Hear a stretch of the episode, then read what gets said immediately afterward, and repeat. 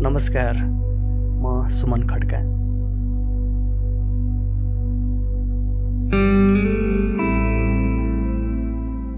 सदा चाहिँ शुक्रबारको साँझ पनि पडकास्टको नयाँ श्रृङ्खला लिएर तपाईँहरूमा आइसकेको छु।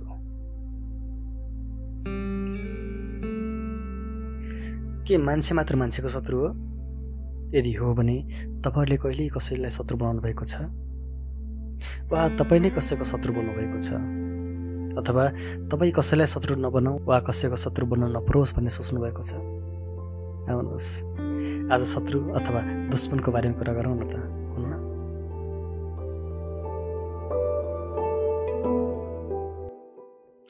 को हुन् हाम्रो शत्रु? आफन्त? परिवार? साथीभाइ? छिमेकी? कसलाई ए शत्रु भनेर जान्नु आफ्ना दसैँ इन्द्रिय शत्रु मान्नु? आदिकवि भानुभक्त आचार्य त यसै भने हाम्रा इन्द्रिय शत्रु हुन् जबसम्म यसलाई हामी आफ्नो बसमा राख्न सक्दैनौँ। कति भन्ने गर्छन् रोगभन्दा ठुलो शत्रु केही छैन। कतिले भन्ने गर्छन् गर्मी नै भयङ्कर शत्रु हो। शत्रुको सम्बन्ध व्यवस्था अनेक थरी बुझाइ र भनाइ छन्। यद्यपि आफूभित्रको विकार कुण्ठा अति आकाङ्क्षा अल्छेपन खराब प्रवृत्तिलाई शत्रु मान्ने गरेका छन्। भनिन्छ नि बाहिरी शत्रुसँग त जोड्न सकिन्छ तर भित्री शत्रुसँग जुझ्न कठिन छ। आफैभित्रको शत्रुसँग जुझ्न कठिन छ। यसो त व्यवहारिक जीवन चलाउने क्रममा हामी आफन्त साथीभाइसँग पनि वैरभाव राख्न पुग्दछौँ। एकअर्कालाई रिस पुग्ने गर्दछौँ बोलचाल बन्द गर्छौँ द्वन्द्व गर्छौँ। यसरी शत्रुता मोल्नु पक्कै उचित हुँदैन। हामीसँग धेरै साथीभाइ अथवा मित्रहरू हुन्छन्। उति नै जीवन सहज र खुसी हुन्छ। तर तर पनि नचाहेर कहिलेकाहीँ बेला बखतमा कसैसँग हामी शत्रुता मोल्न पुग्छौँ। सम्भवतः मानव प्रविधि नै हो शत्रुता र मित्रता। मानव जातिको अस्तित्वमा उसको शत्रु अर्थात् दुश्मन जति पुरानो हुन्छ उसको भविष्य पनि शत्रु बराबर नै हुन्छ। के पनि भनिन्छ भने शत्रुता भनेको आफ्नो प्रगति जाँच्ने इकाइ हो। भनिन्छ दुई चारजना शत्रुहरू कमाएको छैन भने प्रगति गरेको छैन भनेर बुझ्नुपर्दछ तपाईँलाई के लाग्छ? आफ्नो राय कमेन्ट मार्फत भन्नु होला है। म चाहिँ शत्रु हुनुको फाइदाहरूको वर्णन गर्दैछु। पहिलो फाइदा। शत्रुताको सबभन्दा पहिलो फाइदा भनेको यसले हामीलाई सतर्क राख्छ। शत्रु बिना लापरवाही हुन्छ हामी। जसका कारण कुनै अचानक आएको सानो आपतले पनि हामीलाई नष्ट गर्न सक्छ।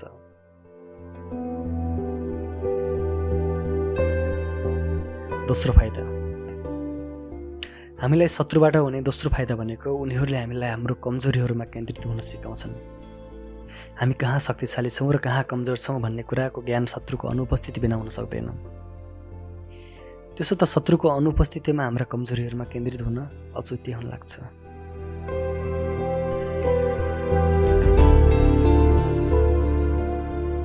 तेस्रो फाइदा? शत्रुबाट हामीलाई तेस्रो फाइदा भनेको यसले हामीलाई सङ्गठित गर्छ। एकता शत्रु बिना सम्भव हुँदैन। शत्रु बिनाको एकताले कुनै औचित्य पनि राख्दैन। शत्रु भनेको मानिसलाई एकै ठाउँमा जम्मा गर्ने र खुट्टाको शक्तिलाई उत्पन्न गराउने गुरुत्वाकर्षण बल हो। यो ब्रह्माण्डमा एकता बनाउने शत्रुभन्दा अरू ठुलो कुनै कारण नै छैन। आज सम्पूर्ण संसार एकताको एक सूत्रमा बाँधिएको छ जसको कारण हो कोरोना अर्थात् एउटा वैश्विक शत्रु।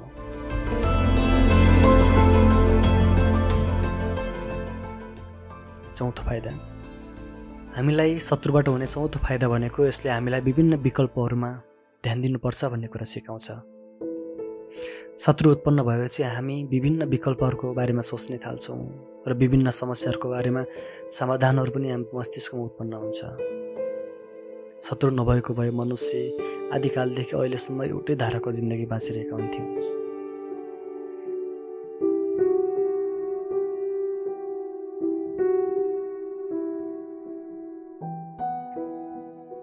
पाँचौँ फाइदा। शत्रुबाट हुने पाँचौँ फाइदा भनेको यसले हामीलाई अमर बनाउँछ। कुनै विनाशक शत्रुबाट मानवतालाई बचाउने नायकले इतिहासमा अमरत्व प्राप्त गर्दछ। शत्रु बिना इतिहास कसरी लेखिन्छ? त्यस्तै नायक र महानायकलाई कसले सम्झन्थ्यो?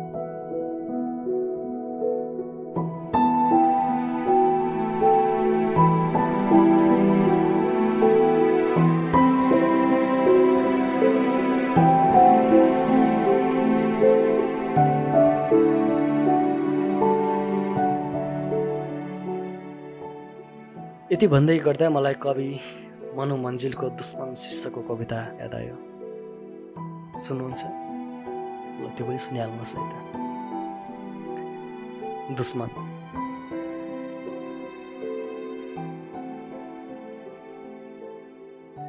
मेरो एउटा दुश्मन छ। मेरो एउटा दुश्मन छ जो मलाई फोहोर जत्तिकै घृणा गर्छ। तर म उसलाई फुल जत्तिकै मन पराउँछु।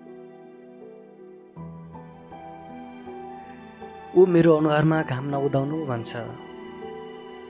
मेरो बगैँचामा बसन्त नआउनु भन्छ। मेरा घरका झ्याल ढोकाबाट हावा नपस्नु भन्छ। मेरो आँगनका फुलले नमगमगाउनु भन्छ। मेरा बाल बचेराले उसले सुन्ने गरी नकराउनु भन्छ। उसलाई दुख्ने गरी नरमाउनु भन्छ। ऊ आफ्नो घरको बार्दलीमा बस्छ र परबाट बाटो हिँड्ने जो कोहीलाई मनमा नै मेरो घर नपस्नु भन्छ। कुसली वा उपहार बोकेका कोही नपस्नु भन्छ। मन्दिरबाट आशीर्वाद लिएर फर्केका बुढाबुढीलाई मेरो घर अगाडिको चौतारामा नबस्नु भन्छ। उसलाई मेरो घरमा चरा बसेको मन पर्दैन।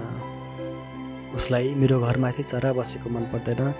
जुन मेरो छानामाथि बसेको मेरो खेतबारीमा भाग्य लह लह झुलेको आँपका रुखमा आशाका फलहरू फुलेको गुलामा पानी मेरो गहिरी खेतमा डुलेको उसलाई केही मन पर्दैन। यो बर्सात किन मेरो घरको छाना भत्काउँदैन? पल्लो गाउँको खुलो किन मेरो घरको बाटो आउँदैन? आगो किन यसरी अगेनामा चुपचाप छ? किन झिल्को जुङ्क्री जस्तो माथि माथि उठ्दैन किन केही चलाउँदैन? ऊ मेरो सपनामा मरुभूमि बसोस् भन्छ। मेरो घरमा आधी आएर बसोस् भन्छ। राति चोर आएर भकारीमा घुसोस् मेरो ओठबाट मुस्कान उडेर बालुवामा गई खसोस् भन्छ।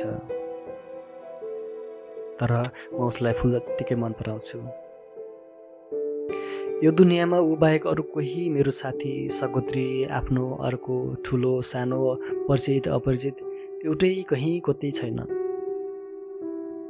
जसले आफ्नै रहर र सपना भुलेर घाम पानी फुल जुन र चराहरू भुलेर घर धरती र आकाश भुलेर मबारे यति बिग्न सोचोस्? मलाई यति बिग्न सम्झोस्? दुश्मन नहुनु भनेको त आफूतिर हरदम फर्किरहने जीवनको एउटा रमाइलो पाटै नहुनु रहेछ। म उसलाई फुल जत्तिकै मन पराउँछु।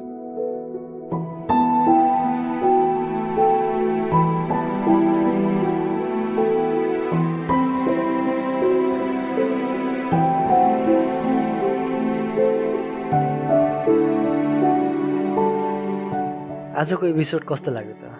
जस्तो लाग्यो त्यस्तै प्रतिक्रिया दिन नमुन्नु होला है अनि यहाँ अब आउने एपिसोडहरूमा कस्तो खालको कन्टेन्ट सुन्न मन लागेको छ तपाईँहरूलाई? कमेन्ट गर्नुहोला।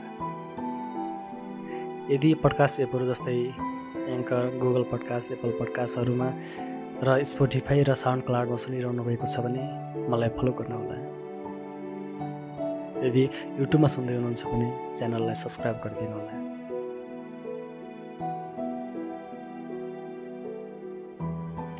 हरेक हप्ता यसरी नै नयाँ नयाँ विषयवस्तुका साथमा फेरि आउनेछु। आजलाई यस्तै भयो। घरमै बस्नुहोस् सुरक्षित रहनुहोस्। धन्यवाद। सियौँ द नेक्स्ट विक